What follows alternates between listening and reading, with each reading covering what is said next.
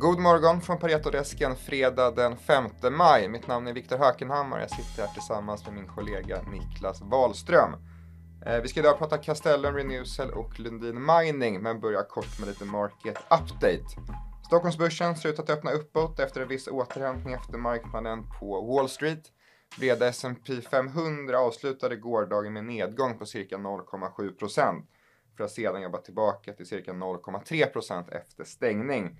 Det var Apple som redovisade starkare intäkter och försäljningssiffror än väntat som delvis drog upp sig eh, de amerikanska terminerna. Och vinsten per aktie för Apple landade på 1,52 dollar att jämföra med förväntade 1,43. Nu är villkoren klara för Castellums nyemission. Eh, det var i februari som bolaget meddelade att man vill genomföra en företrädesemission på ungefär 10 miljarder för att stärka sin finansiella ställning. Och teckningskursen har fastställts till 62 kronor per aktie, vilket kan jämföras med gårdagens stängningskurs om 120,7 kronor.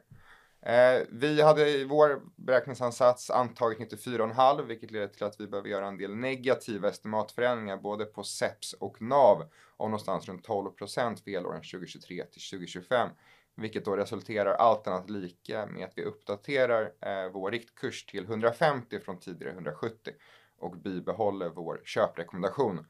Eh, vår tes är fortsatt att efter den här eh, nyemissionen nu är genomförd att investerare då ska återvända till den operativa utvecklingen för Castellum, vilket vi ser som positivt för aktien på 12 månaders sikt. Och i övrigt kan man säga att eh, senaste eh, handelsdagen eh, för att erhålla teckningsrätter är nu på tisdag 9 maj. Och med det lämnar jag över till dig Niklas. Tack Viktor. Idag så skickar vi ut också två reviews på Lundin Mining och Renewcell som rapporterade häromdagen. Och eh, Lundin Mining då kom in egentligen i förväntan i vad vi hade sett. Eh, vi låg lite, lite högre än eh, resultatet, men eh, konsensus var precis in line och justerat för lite one-off items som kom i kvartalet så var egentligen nettovinsten precis in line med konsensus och vi låg lite högre. Så att vi såg det som en positiv rapport, en bra rapport. Eh, det var hög produktion som egentligen blev lite negativt affekterat för att man hade lite lägre volymer för försäljning. Men eh, produktionen och eh, specifikt för zink för Nevescorvo var mycket högre än vi förväntat oss så att vi fick justera upp vår zinkproduktion till övre delen av guidance för eh, 2023 egentligen och eh, fortsätter man att leverera där så finns ju egentligen potential att man skulle kunna upprevidera det.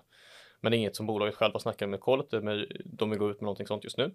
Men eh, så att det är egentligen marginella förändringar där vi egentligen sänker on the whole eh, lite operationella kostnader på gruvor som kom in lägre allmänt än vi förväntat oss.